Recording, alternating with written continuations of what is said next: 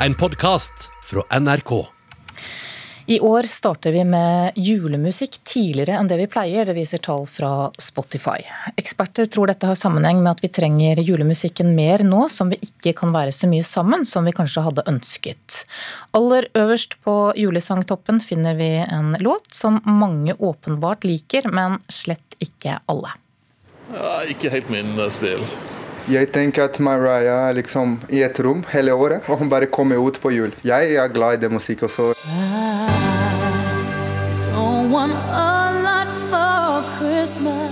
All I Want for Christmas med Maria Carey er den julesangen vi strømmer aller mest nå. Og det gjelder ikke bare oss nordmenn. Det gjelder i hele verden, ifølge tall fra Spotify.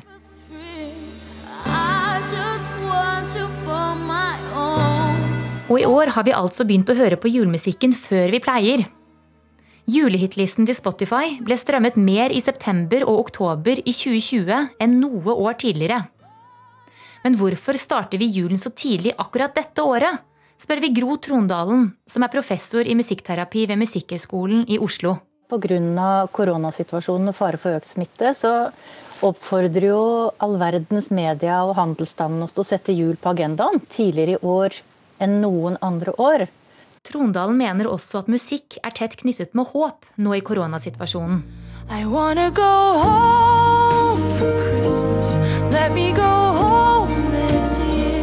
Både tekstene og selve melodiene er det mange som snakker om at de får nytt pågangsmot og nytt håp, og dette kommer til å gå bra. Jeg er ikke aleine her. Are Brean er nevrolog og førsteamanuensis ved Musikkhøgskolen i Oslo. Han mener at julemusikk i stor grad får oss til å føle et fellesskap. Musikken er jo emosjonenes språk, og musikk har en helt særegen eh, evne til å sette mennesker i samme sinnstilstand når man lytter til den. Og julemusikken setter jo oss i en sinnstilstand som veldig mange forbinder med noe positivt. Og alt dette som vi savner nå i denne litt triste, ensomme perioden bak hver vår eh, skjerm. Men det er ikke bare behovet for kos som gjorde at julemusikken kom tidligere i år. Når algoritmer i strømmetjenester de forsterker trender og anbefaler det til andre, så kan det vokse enda større enn før. Det vil si at jo flere som strømmer musikken, desto flere vil den anbefales til. Ifølge Arnt Maase, førsteamanuensis i medier og kommunikasjon ved Universitetet i Oslo, som har forsket på strømming av musikk i nesten ti år.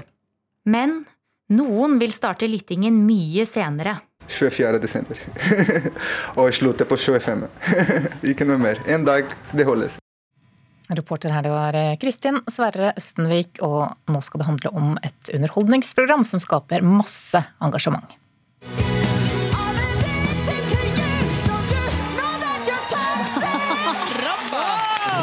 Jeg husket ikke at puddelen sang så rått. Nei. Jeg fikk helt eh, bakoversveis nå, jeg.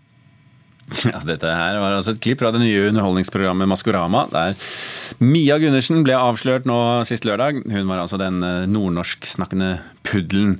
Hvis du ikke kjenner dette konseptet, så kan jeg fortelle at det er altså, ti kjendiser som er helt skjult. Ingen vet uh, deres identitet. og Så skal de synge en sang, og så skal folk gjette hvem de er. og Den som får færrest stemmer, da må ta av seg masken. Maskorama har blitt helt usedvanlig populært. Uh, til nå har nesten en million seere sett den første episoden i uh, dette programmet. Så Jan Erik Odland, leder for redaksjonen som lager Maskorama, god morgen. God morgen, Jan Egil heter jeg. Ja, sa jeg noe annet, så er det min egen feil, for det står Jan Egil her. Du, uh, Hvor mange er det som faktisk vet hvem som er bak maskene? Du, I hele NRK så er det tre personer som vet hvem som er inni.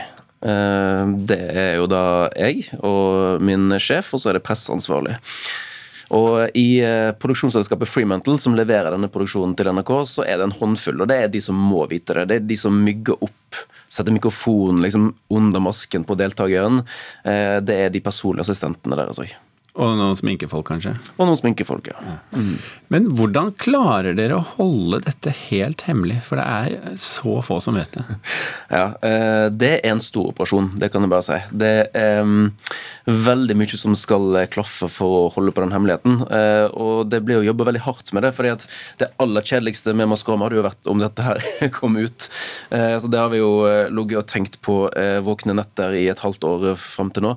Men hovedsakelig så handler det om eh, gode rutiner. Det handler om at deltakerne de går alltid i et eh, svart visir munkekapper med eh, trykket 'ikke snakk til meg' eh, når de ikke er inni maskene sine. Så de blir plukka opp på et hemmelig sted, de blir eh, kjørt til studio. Når de kommer ut av bilen, så har de på seg disse eh, kappene. og de har de på seg helt til de tar på seg kostymene sine. og de får ikke lov til å snakke med noen i studio. Ingen skal høre snakkestemma deres. Dette er jo et internasjonalt konsept og har vært eh, mange land i verden. Dukket opp i Sør-Korea i sin tid. Hva er det som gjør at folk blir så hekta på det? For det er jo litt flaut også. ja. Um, du, det, jeg tror grunnen til det er at det er rett og slett gøy. Og det, det er det som har vært mantraet vårt når vi har lagd dette, her, er at uh, vi ønsker at folk skal bli med på leken. Um, det skaper et ekstremt engasjement å holde tilbake informasjon. Det er det vi gjør. Vi, vi lager noen store hemmeligheter. Eh, pluss at eh, det er, veldig, det er et veldig visuelt show. Eh, jeg må skryte av maskene som er laget av Kjell Nordstrøm. Man får liksom ikke helt nok av de. Og når da Troll i tillegg kommer på scenen i Loreen-kjole utenpå med vindmaskin i håret, så blir det noen øyeblikk der som jeg tror bare folk elsker å se på. Og lørdag er neste program. Jan Egil Odland, takk for at du var med oss her i Nyhetsmorgen.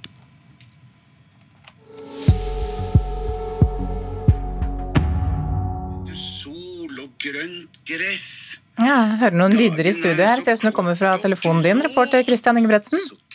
Ja, jeg, sitter og Skal vi se, jeg må bare stoppe der. Jeg sitter og hører på en uh, tilfeldig valgt lydbok i kategorien barnebok. Altså det er lydboken 'Mamma Mø later som', uh, innlest av Sigve Bø.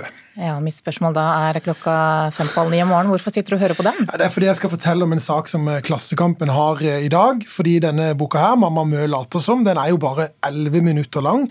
Og nå er det sånn på lydbokappen Storytel, en av de mest populære tjenestene for lydbøker at de, de betaler forfatterne ti kroner per gang noen spiller av boka deres. Altså uavhengig av lengde på boka. Men nå har de varsla at de ønsker å gå over til 1 krone og 25 øre per avspilte time. Og Det er klart at det kan jo være veldig lukrativt for de som har veldig lange bøker, som tar, tar flere timer å høre på, men ikke fullt så lukrativt for de som har kortere bøker, f.eks. barnebokforfattere og forfatteren bak boka 'Mamma Mø later som'. Og det er ikke, er ikke, er ikke superuvanlig at foreldre gjerne uh, leser barnebøker flere ganger for barna sine, men her må man jo da faktisk høre 'Mamma Mø later som' nesten seks ganger da, for at eh, forfatteren skal få 1 krone og 25 øre. Ok, Hva sier forfatterne til dette her? Leder for Foreningen Norske barne- og ungdomsforfattere sier til Klassekampen i dag han heter Taran Bjørnstad. Han beskriver det varslede endringen som sjokkerende. Forfatter Arne Svingen, som bl.a. har skrevet boka 'Flukten til bakgatene', som da skal ta 54 minutter å lese. altså akkurat ikke 1 krone og 25 øre. Han reagerer på dette og skrev bl.a. en kronikk i Aftenposten i går under tittelen 'Det store forfatterranet'.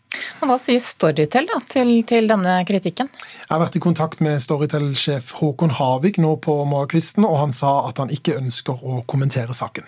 Ok, Takk skal du ha, Christian Ingebretsen er noe veldig innbydende med mat på film. En skikkelig god matfilm det kan gjøre deg sulten, og den kan gi deg også en ny giv på kjøkkenet. For um, deg som da ønsker filmtips til uh, kalde kvelder, så har vi fått vår uh, matkritiker her i NRK til å velge ut noen filmer som passer perfekt, og som kanskje da uh, kan være til hjelp hvis du savner å dra på restaurant akkurat nå. Miriam Folland, velkommen. Hei, takk. I din mening, hva er det som skal til for at en matfilm blir en god matfilm? Jo, Det er det at eh, den handler om mennesker, eller i noen tilfeller dyr, som er veldig lidenskapelig opptatt av mat, og at filmen klarer å få frem dette og gi oss på et nytt perspektiv på mat og matkultur. da. Ja. Du har uh, tatt, fått i oppdrag av å ta med deg tre filmer. Eh, skal vi gå på den første først? Yes, Det er 'Chef', som er en av mine favorittfilmer. Bare rett og slett fordi den er så utrolig god og fin og morsom. Den handler om en prestisjekokk som har blitt utbrent og mangler liksom matgleden som han hadde før. Så han slutter i jobben sin i, på et kjøkken for å da starte en sånn food truck, eller matvogn. da. Mm.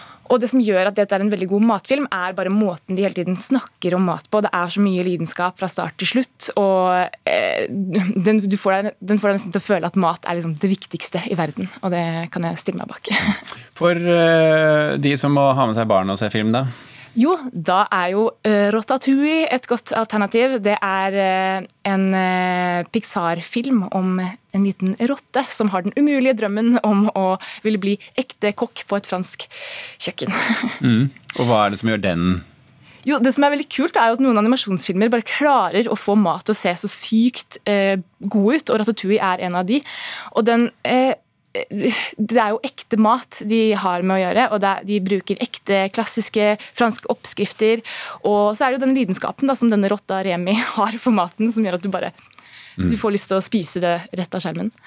Eh, og så eh, har du tatt med deg en type matfilm som vel egentlig er en slags humorserie fra England? Ja, det er en serie på nå fire filmer som heter The Trip som er da eh, Steve Coogan og Rob Bryden, disse to britiske skuespillerne som, eh, og komikerne, som spiller da på sånn fiktiviserte versjoner av seg selv.